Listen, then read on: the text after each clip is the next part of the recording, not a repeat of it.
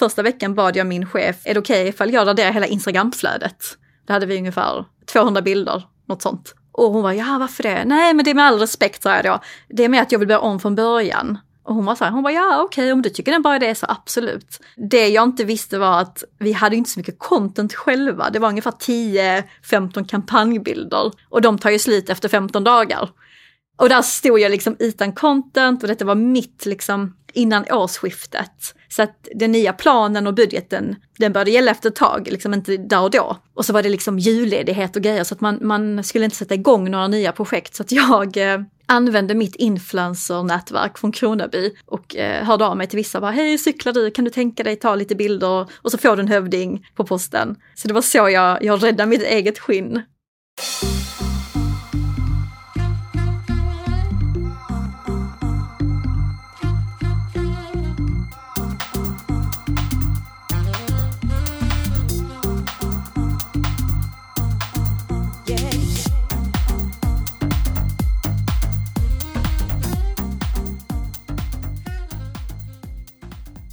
Välkommen tillbaka till Digital marknadsföring med Tony Hammarlund. Det här är en podd där jag intervjuar branschexperter och marknadsförare för att lära mig mer om digital marknadsföring. Mitt mål med podden är att bli en bättre marknadsförare och samtidigt dela med mig av intressanta samtal med några av Sveriges bästa marknadsförare. I det här avsnittet har jag med mig Apollonia Sancontreras som är Digital Marketing Manager på det innovativa hjälmföretaget Hövding.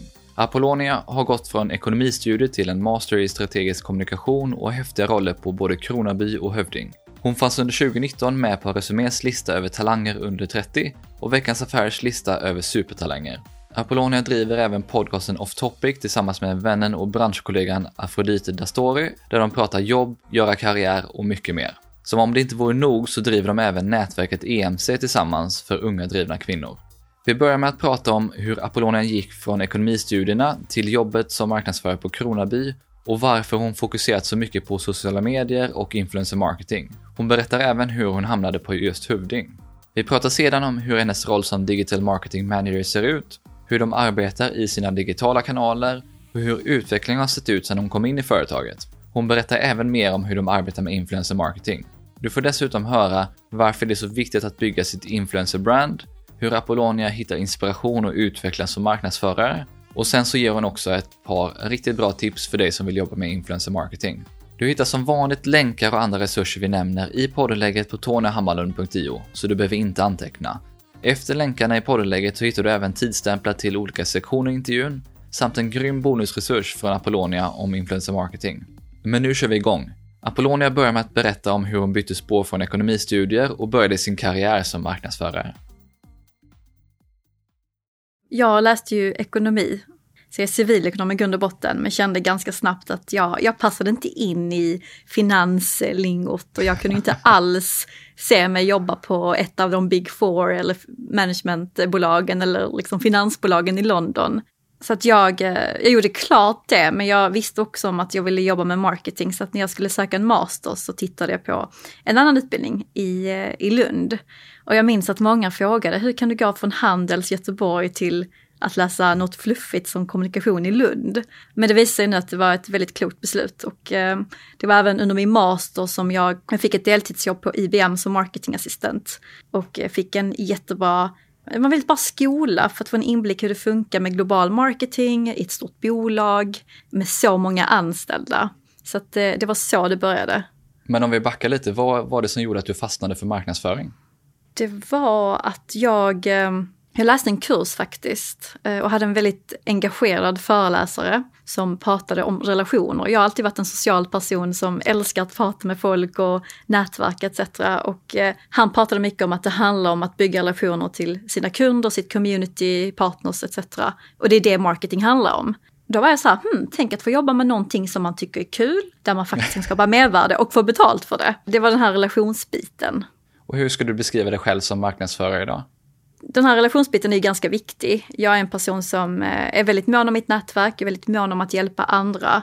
Och eh, jag skulle säga att det är relationsbiten som, som gör mig till en bra marketeer, men också att jag har en väldigt bra omvärldsbevakning. Jag tycker det är jätteviktigt att man faktiskt håller koll och jag själv då har ju valt ut x antal olika varumärken som jag tittar på. Eh, så jag brukar säga som en liten godispåse, jag plockar det bästa från varje brand och sen tittar jag på hur kan jag ta in detta i min vardag, i mitt jobb på Hövding och gör göra det bästa och maximera liksom eh, resultatet. Är det inspiration mest eller är det att faktiskt lära av de här varumärkena? Det är både och faktiskt. Jag tittar mycket på Away, som du kanske känner till. De gör eh, reseväskor, direct to consumer. Jag tittar mycket på dem utifrån hur de bygger sitt community och skapar en livsstil kring varumärket. Så de pratar inte alls mycket om att kolla vår väska, den är skitbra, utan pratar mycket kring att uppleva saker och ting. Och det är någonting som, oavsett vad man jobbar med, som man kan ta till sig till sin produkt eller service eller tjänst. Är det några andra varumärken så som du tittar lite mer på? Ja, när vi startade igång eh, app-projektet, för att den nya Hövdingen, Hövding 3, den är ju uppkopplad av Bluetooth. Då tittade vi väldigt mycket på Klarnas eh, app. Och jag vet om att du intervjuat deras marknadschef. Eh, vi kollar mycket på den för att få till liksom hela IX-flowet att det ska vara enkelt. Så det är ett annat bolag som jag också tittar på. Och eh, även Amin Sportswear som säljer eh, träningskläder till kvinnor. De är också enormt duktiga på att bygga community på sociala medier och har en väldigt stark närvaro. Ja, men det är en skön mix att hämta inspiration ifrån där. Ja, men verkligen. Det tycker jag alla ska ta med sig. Men hur var det att komma in på IBM som var ditt första jobb då som marknadsförare? Alltså det var jättehäftigt. Eh, IBM hade på den tiden 400 000 anställda och jag kom in i den nordiska organisationen och hade en bild av att ah, men nu ska jag jobba med branding och marketing och så. Men på sådana bolag så är ju allt oftast klart. De har liksom alla assets, all content färdigt. Så att jag jobbade mycket med att liksom ta det, applicera det liksom i vår kontext. Och så var det jättemycket att eh, synka internt. Så det var, det var en häftig resa, väldigt utmanande, men gav mig också en reality check på att eh, globala bolag, eh, mycket är redan färdigt. Det är väldigt svårt att, att påverka i, i det stora hela. Jag tror att många millennials, som jag då själv är, kan känna igen sig att man, man har liksom en bild av att okej, okay, nu ska jag in och bara liksom in i det här beslutsfattande mötet och, och äga. Men jag lärde mig jättemycket om processer, eh, att saker tar tid och det var ju en jättebra grund att stå på sen när jag tog examen. Så det var, det var väldigt skoj. Vad hamnade du sen efter du tog examen sen då? Då hamnade jag på Kronaby, en startup vi kan säga en startup på anabola för att man fick, eh, man hade fått in 100 miljoner från ett kinesiskt bolag bara för att sätta konceptet. Och eh, jag hade en helt annan plan när jag läste mitt sista, min sista termin, att jag skulle jobba på eh, ett större bolag i Stockholm som trainee, som alla andra studenter. Och eh, det var faktiskt min gamla mentor på IBM som satte ihop mig med Kronabys grundare. Och jag var lite så här, ja, vi får se. Men det var lite som en, eh, som så här, en dejt. Att jag bara insåg att wow, det här bolaget är ju superintressant.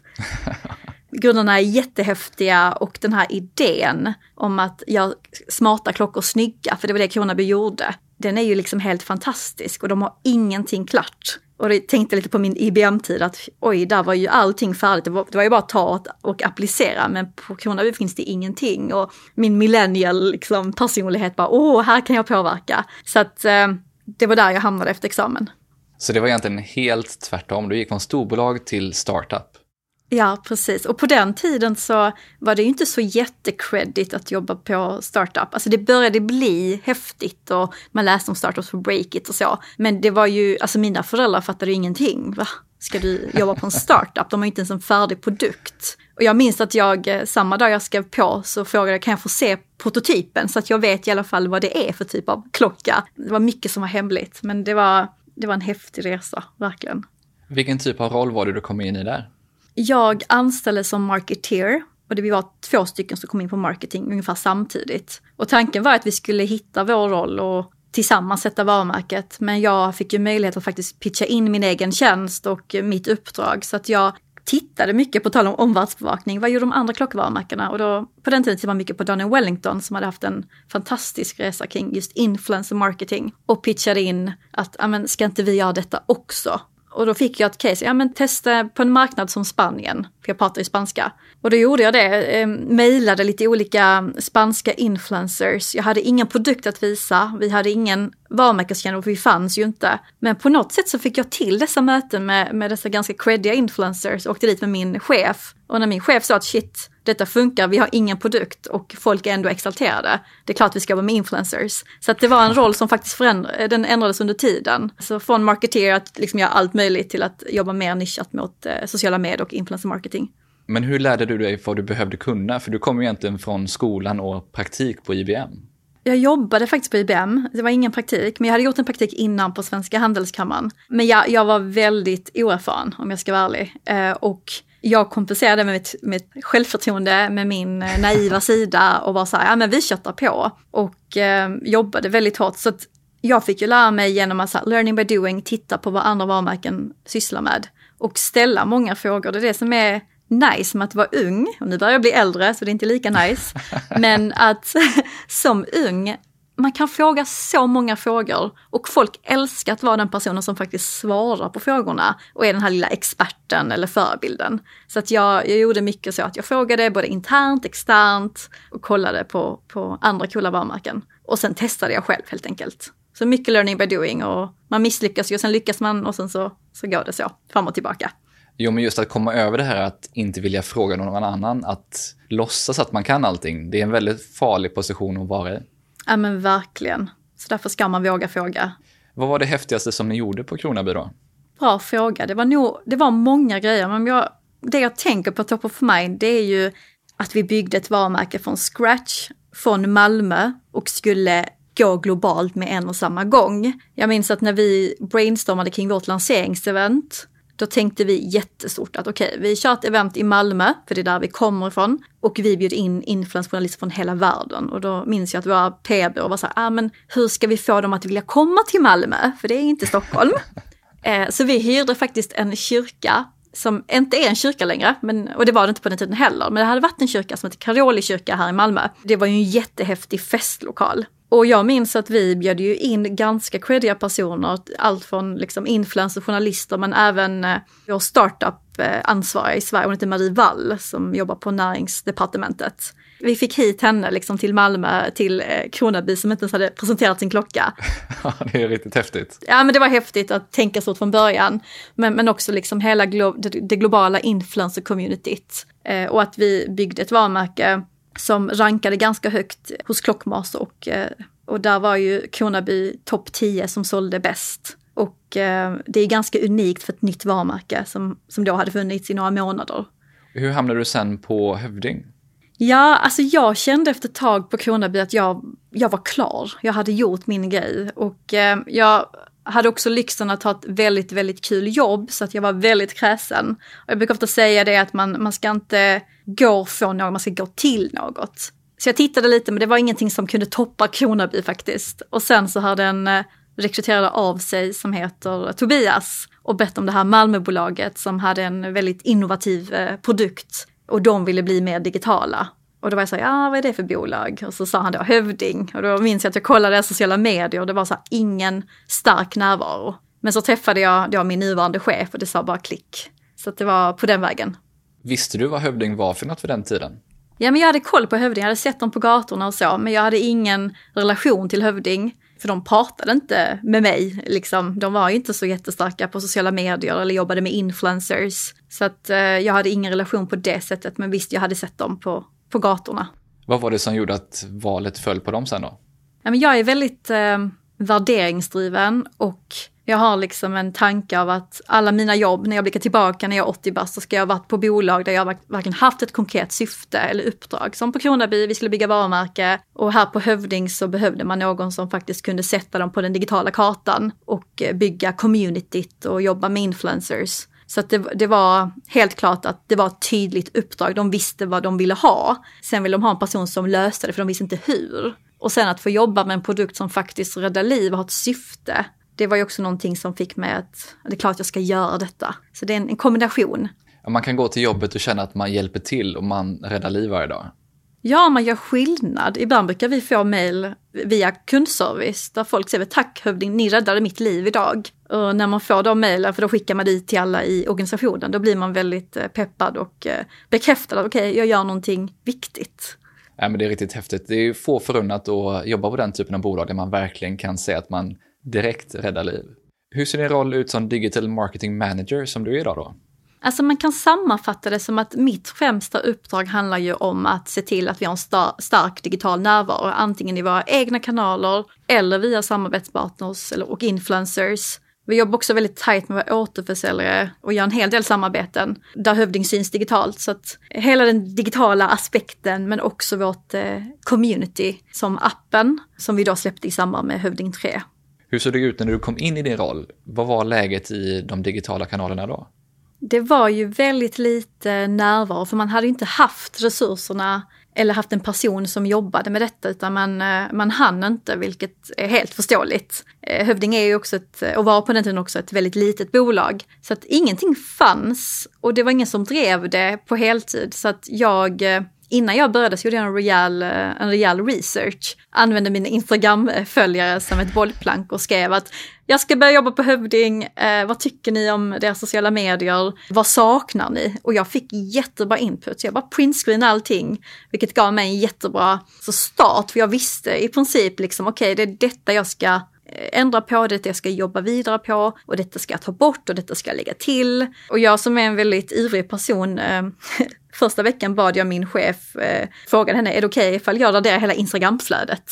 Då hade vi ungefär 200 bilder, något sånt. Och hon var ja varför det? Nej men det är med all respekt sa jag då. Det är med att jag vill börja om från början. Och hon var så här, hon var ja okej okay, om du tycker det är en bra idé så absolut. Det jag inte visste var att vi hade inte så mycket content själva. Det var ungefär 10-15 kampanjbilder och de tar ju slut efter 15 dagar och där stod jag liksom utan content och detta var mitt liksom innan årsskiftet. Så att den nya planen och budgeten, den började gälla efter ett tag, liksom inte där och då. Och så var det liksom julledighet och grejer så att man, man skulle inte sätta igång några nya projekt. Så att jag eh, använde mitt influencer-nätverk från Kronaby och eh, hörde av mig till vissa bara hej cyklar du, kan du tänka dig ta lite bilder och så får du en hövding på posten. Så det var så jag, jag räddade mitt eget skinn.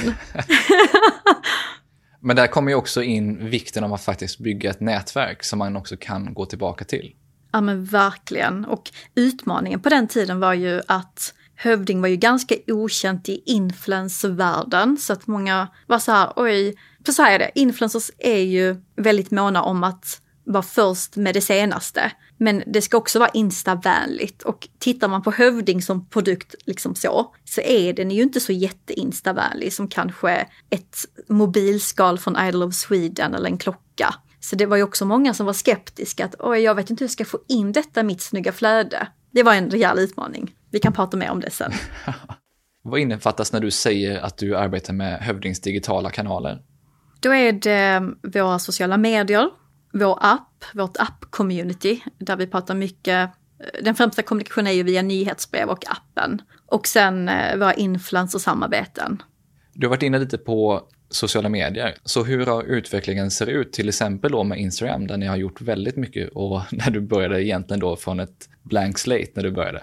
Alltså det har gått väldigt fort så att det första jag gjorde när jag började, jag hade ju med liksom inputen från mina Instagram-kompisar eller följare som eh, gav jättebra input. Och sedan pratade jag mycket internt både med säljarna som har en direktkontakt till butiken och kunderna men också kundservice som är, jag ska säga att kundservice är enormt viktigt för, för oss marketeers. Vi borde bli bästisar med dem för att de sitter ju på all kundkontakt och vet precis hur kunden tänker och, och tycker. Eh, och utifrån det så tog jag fram olika talking points. Vad är det vi pratar om på Hövding? För det man gjorde tidigare var att man repostade kundens bild, vilket var smart för att man byggde community och lyfte kunden och bekräftade att oj, då har jag verkligen köpt världens bästa hjälm. Men vi behövde ju prata om saker och ting som både kunden tycker är relevant men också den potentiella kunden. Eh, jag tog även inspo från eh, Away som jag nämnde och la mycket tid på att hitta rätt influencers så att vi kunde driva trafik till våra kanaler och vår hemsida. Men också liksom driva varumärkes och produktkännedomen.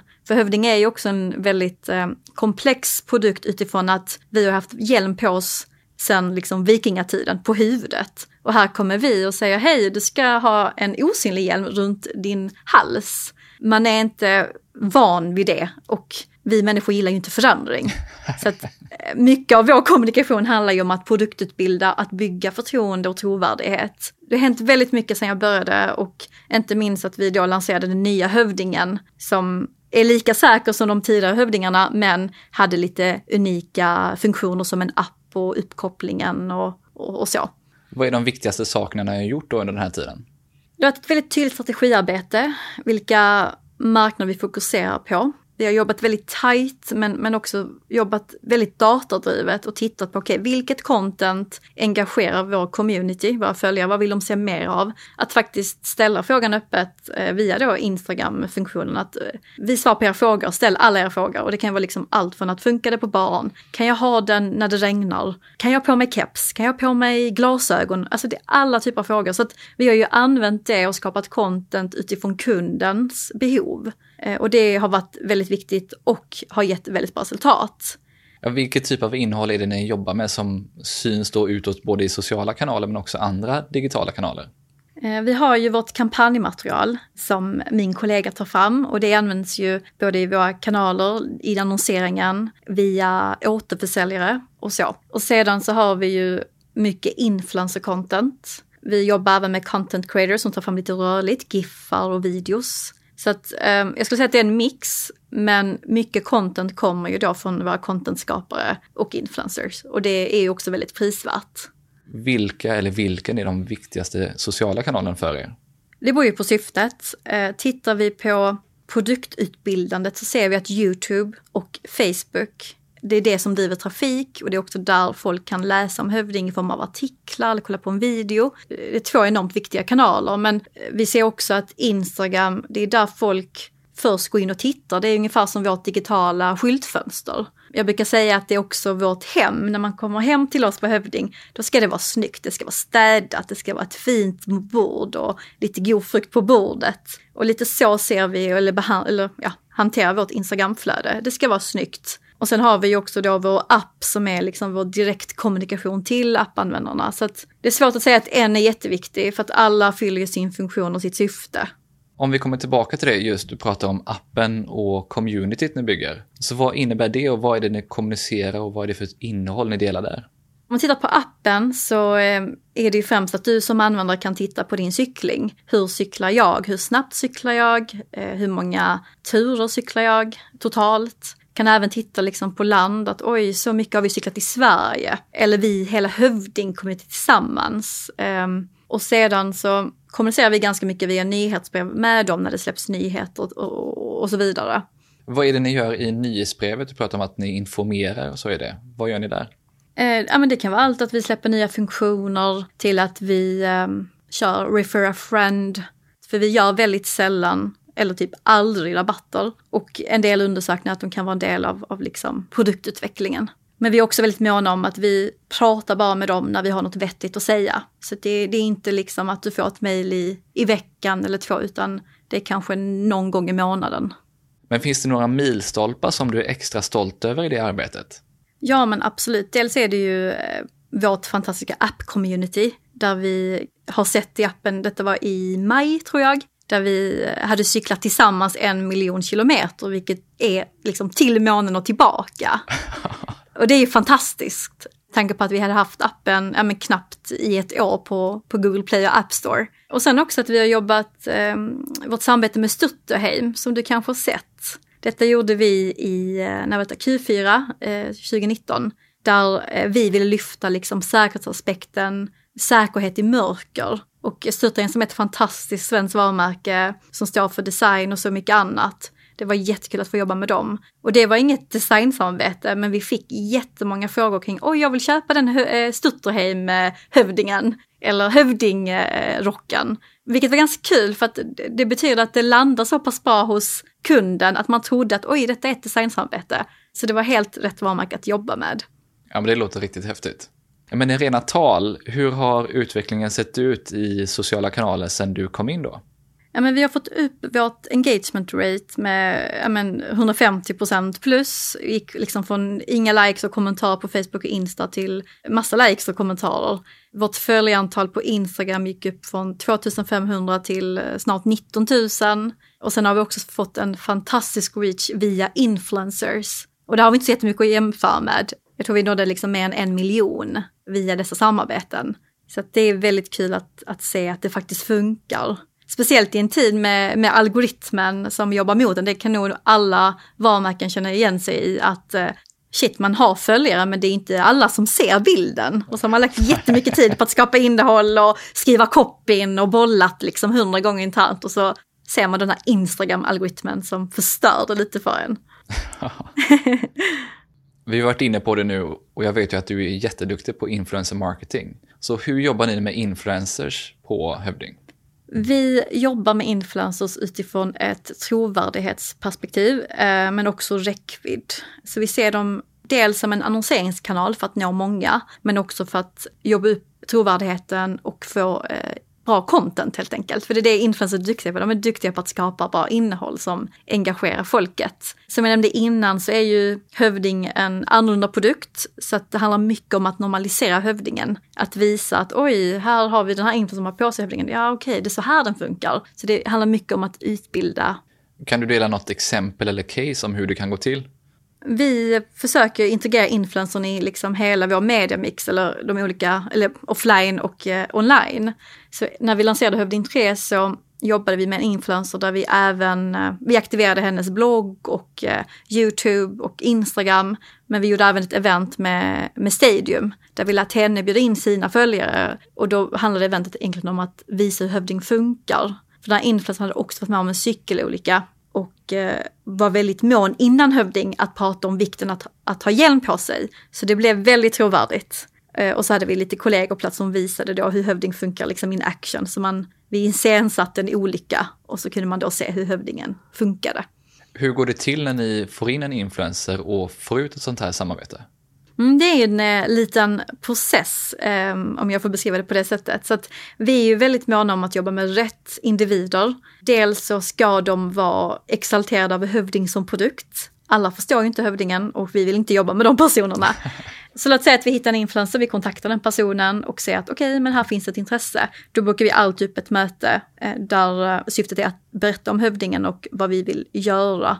Och jag brukar alltid ta med en kollega från techsidan för att få med den tekniska aspekten. De kan prata om det på ett mycket bättre sätt än vad jag kan i och med att de jobbar med det on a daily basis. Och efter det så brukar vi skicka våra guidelines där syftet är inte att gå in och säga att okej, okay, så här ska du skapa innehållet, utan mer ge liksom en inblick i vår värld. Hur funkar hövdingen? Detta är vad vi själv pratar om. Detta är vad vi vill uppnå. Så att allt finns i det dokumentet. Och sen är det upp till influencern att faktiskt komma tillbaka till oss. Lite som när man jobbar med en reklambyrå, att man eh, får in eh, en pitch helt enkelt.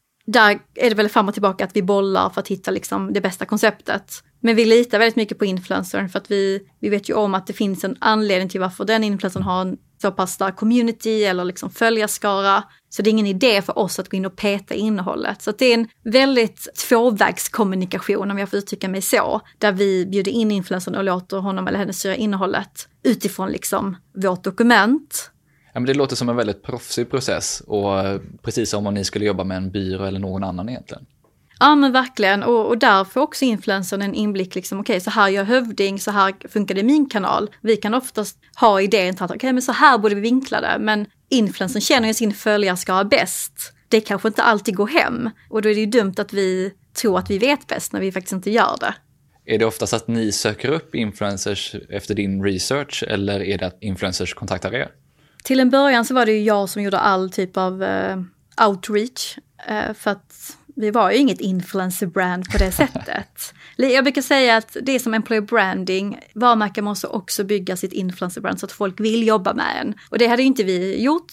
Så att nu när vi har identifierat och jobbar med eh, utvalda personer som Säker Stil i Sverige eller Pernille i Köpenhamn så ser vi också att eh, folk får upp ögonen för hövding och så här, hmm, man kan jobba med hövding, jag hör mig till, till dem. Så att nu kom jag tillbaka från semestern igår faktiskt och då hade jag ett 20-tal mejl från olika influencers i Tyskland och Frankrike och Sverige och Danmark. Och det är väldigt kul.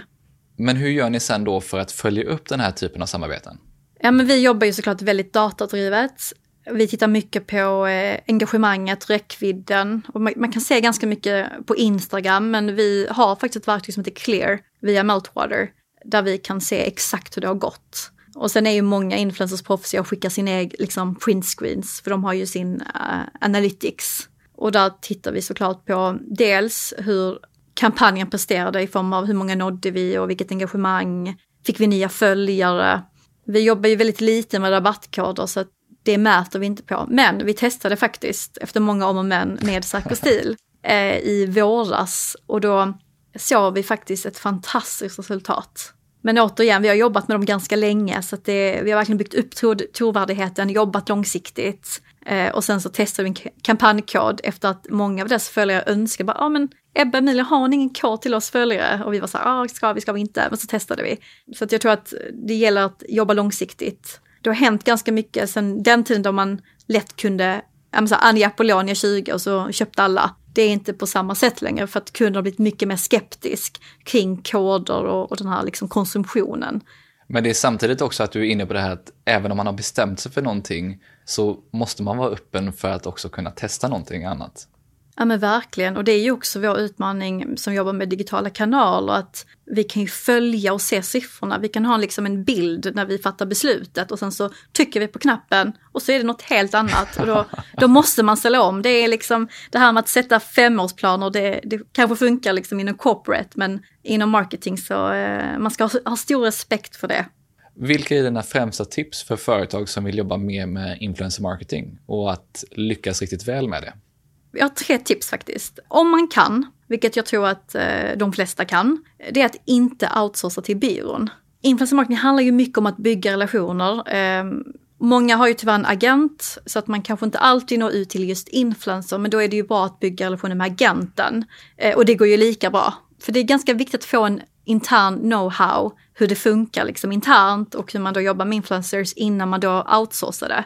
Många bollar ganska mycket med branschkollegor. Det är, det är många som lägger ut det och sen har man inte koll riktigt. Och sen blir det ganska dyrt om man lägger ut det helt. Så det är faktiskt ett tips att våga mm, ta in det och göra det själv, testa, få, få sig en bild, en kunskap och sen får man ta ett beslut därefter. Eh, men också jobba långsiktigt. Det är, det är många brands som då vill testa och så tänker man att ja men vi testar med ett inlägg.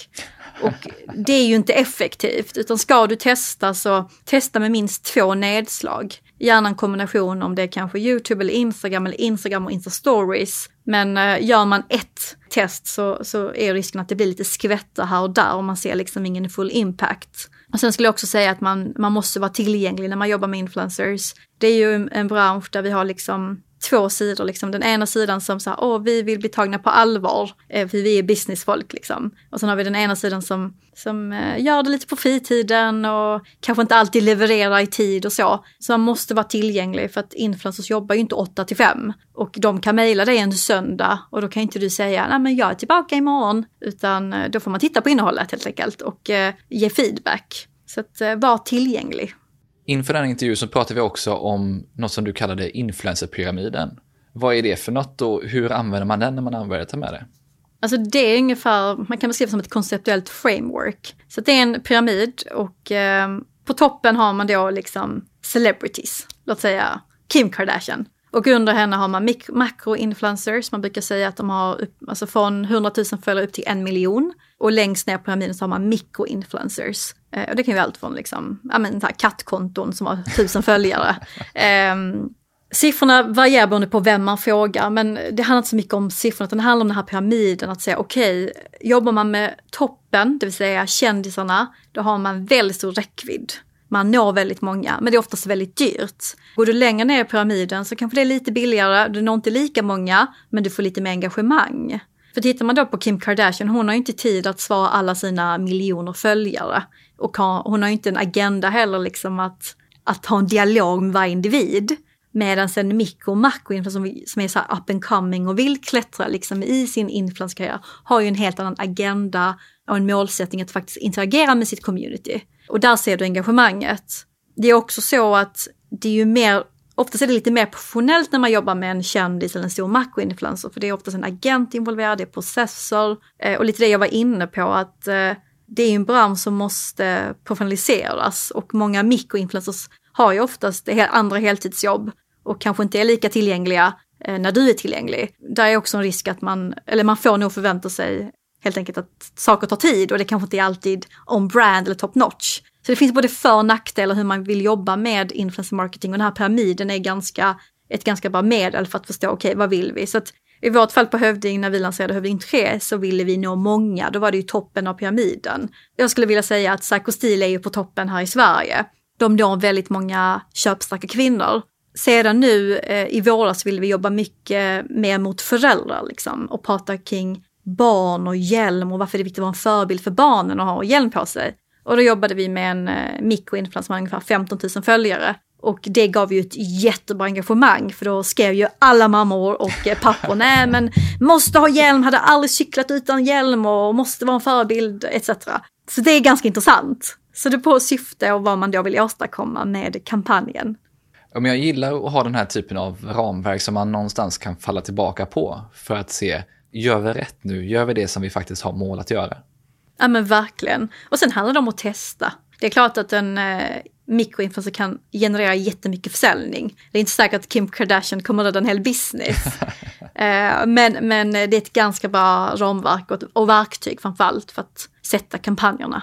Har du en dokumenterad strategi för både influencer marketing men också de andra digitala kanalerna som ni har? Ja, absolut. Först och främst är det våra talking points, våra budskap. Vad är det vi pratar om? Jag minns att jag hade en kollega som var jätteglad för att vi hade lottat ut en hövding till eh, MFF-spelarna, Malmö FF. Och då var det någon jätteduktig spelare som hade vunnit en hövding och det var en jättefin bild de hade tagit. Och han tyckte att vi, ja men den ska vi bara köra ut i alla kanaler. Men det är ju inte så jätterelevant att han vann en hövding. Så att vi har våra talking points, detta pratar vi om. Sen kan vi vara lite flexibla, men vi vet i alla fall vilket typ av content vi faktiskt pushar ut.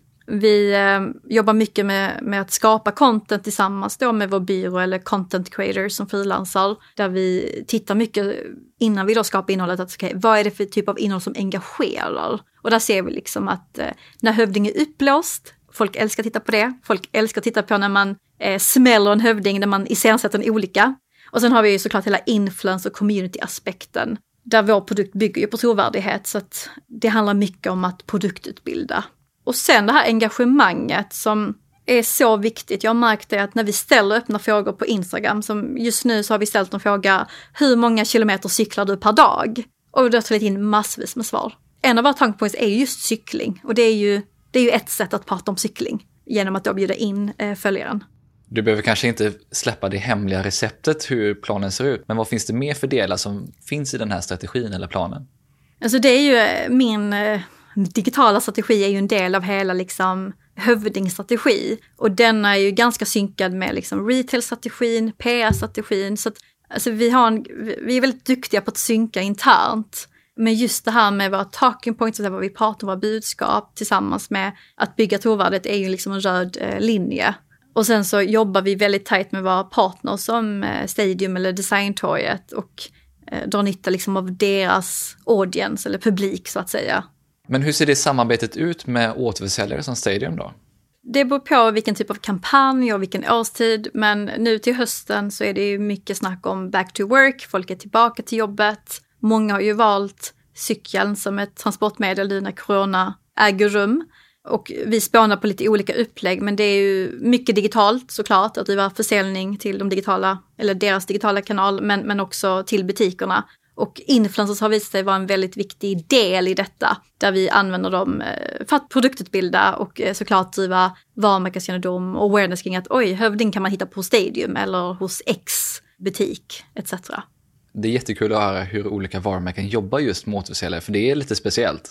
Ja, det är väldigt speciellt och jag kan berätta ett, ett roligt exempel. Eh, Politiken som är en, en viktig återförsäljare i Danmark när vi lanserade Hövding så nämnde jag, men ska vi inte testa en influencer? Och då var den här marknadsansvariga, hon var lite skeptisk. Hon bara, ja, jag vet inte om det kommer funka, men äh, vi testar då. Och så hade vi då ett uppföljningsmöte och gick igenom äh, alla, äh, men alla siffror. Då sa hon, hon bara, du, jag var så skeptisk, men detta var så rätt att vi gjorde detta. Och det är så himla kul när man då kan övertyga någon och eh, faktiskt inspirera folk att, att våga testa det är många som är skeptiska mot just influencer marketing och sociala medier. Många är liksom fast i det här, ja men vi kör tv och radio och liksom en printannons. Jag gillar verkligen Martech och olika verktyg och tjänster som kan göra mitt jobb enklare som marknadsförare. Så att, eh, vilka tjänster eller verktyg använder du i ditt jobb? Clear är jätteviktig för mig. Det är där jag analyserar alla samarbeten och ser liksom, okej, okay, så här har det gått. Där kan man också scouta influencers och även se deras statistik. Så att Innan var det så att jag kunde mejla dem, hej vi vill jobba med dig, kan du berätta lite om dina följare? Så skrev de, ja men 56% bor liksom i Stockholm.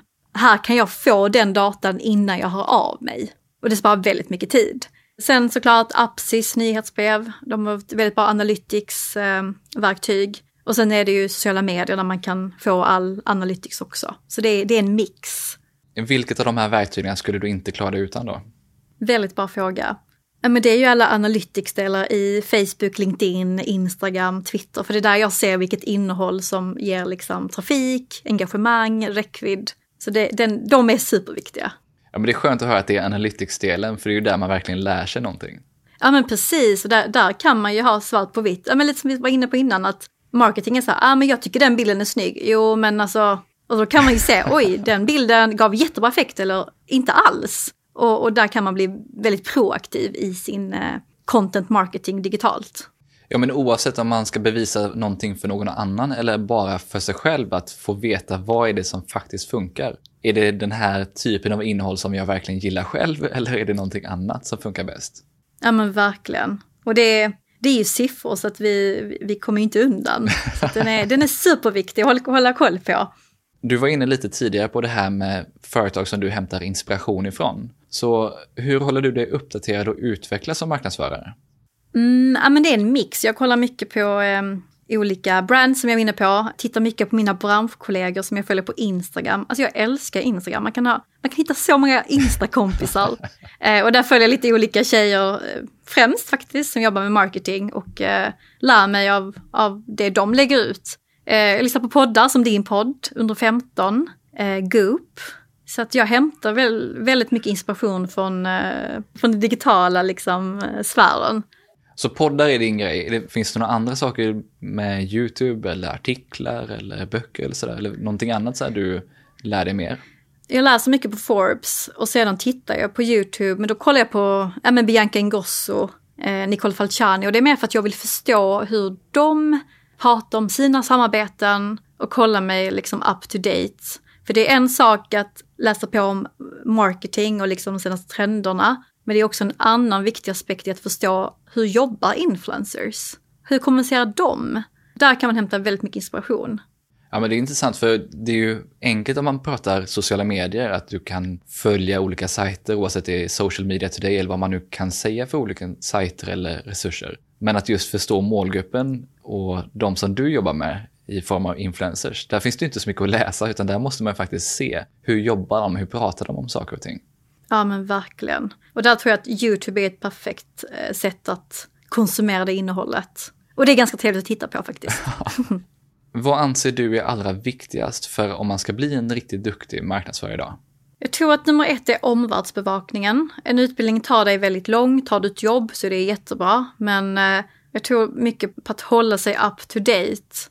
Och det räcker liksom inte med att läsa en en artikel på Resumé, utan hela tiden söka information i poddar, YouTube, följa influencers. Är man lite äldre, prata med dina barn eller dina syskonbarn. För det är ju den nya generationen som har helt andra medievanor än vad vi har. Så det är ju ett tips, men också att våga be om hjälp, bolla med andra, att bygga ett nätverk. Och jag tror att många som jobbar med reklam och marketing och kommunikation fastnar vid att man ska nätverka med marknadschefen. Men det finns ju ett enormt värde att faktiskt nätverka med liksom sina peers, sina gamla kursare eller branschkollegor eller liksom kollegor på arbetsplatsen. För man vet ju aldrig, sen så går det några år så är ens gamla kursare liksom marknadschef på X bolag. Och sen såklart eh, modet att, att våga testa. Jag vet inte vad det beror på att vi, vi är så fega, men, men uh, våga testa, fatta beslut som du var inne på, att, att våga ändra sig också. För det, det är inte, vad är det värsta som kan hända egentligen? Ja, men det är ett jättebra sätt att avsluta tycker jag, men innan vi stänger av här så tänkte jag också kolla lite vad man följer er allra bäst på Hövding. Instagram helt klart. Och LinkedIn om man eh, vill veta mer om liksom, corporate brand och vad som händer liksom, inside Hövding. Så då får man båda sidorna, både skyltfönstret men också lite behind the scenes. Exakt så. Och var hittar man dig allra bäst? Man hittar mig, gillar man att lyssna så är det på podden, Off Topic Podcast. Eh, eller Instagram om man vill ha, inte skyltfönster, men om man vill ha liksom eh, daily content och följa mig. Och där jag, jag brukar dela med mig allt från liksom jobb, karriär, träning, podden. Så där kan man också hitta mig. Tack så hemskt mycket för idag Apollonia. Tack så jättemycket för att jag fick vara med. Apollonia är grym och det var riktigt kul att höra mer om det jobb hon gör tillsammans med teamet på Hövding. För det är inte många marknadsförare som kan säga att man faktiskt är med och räddar liv. Man blir också riktigt imponerad över hennes driv och hennes kunskaper inom sociala medier och influencer marketing. Jag har antecknat massor och jag blev helt klart inspirerad av att experimentera mer med influencer marketing framöver. Och det här var de tre viktigaste sakerna som jag tog med mig. 1. Att man måste bygga sitt influencer-brand om man vill lyckas med influencer marketing. Och 2. Hur man onboardar influencers på ett smart sätt. Och 3. Hur viktigt det är med omvärldsbevakning för både inspiration och att utvecklas som marknadsförare. Jag vill gärna höra dina tankar och vad du tog med dig från avsnittet, så skicka gärna ett meddelande eller en kontaktförfrågan till mig på LinkedIn. Du hittar som vanligt länkar till de resurser vi nämnde i poddenlägget på tonyhammarlund.io. I poddenlägget hittar du även bonusresursen där du kan läsa mer om influencerpyramiden och hur du skapar en bra brief för influencers. Och har du några frågor till Apollonia så kan du ställa dem direkt i kommentarerna inne i poddläget. Gillar du det här avsnittet och podden så vill jag som vanligt påminna om att prenumerera och tipsa gärna andra om podden. Avslutningsvis vill jag passa på att tacka Mikael på Newbreeze Music som hjälper till med att producera den här podden och stå för musiken. Vi hörs snart igen med fler intressanta gäster och ämnen.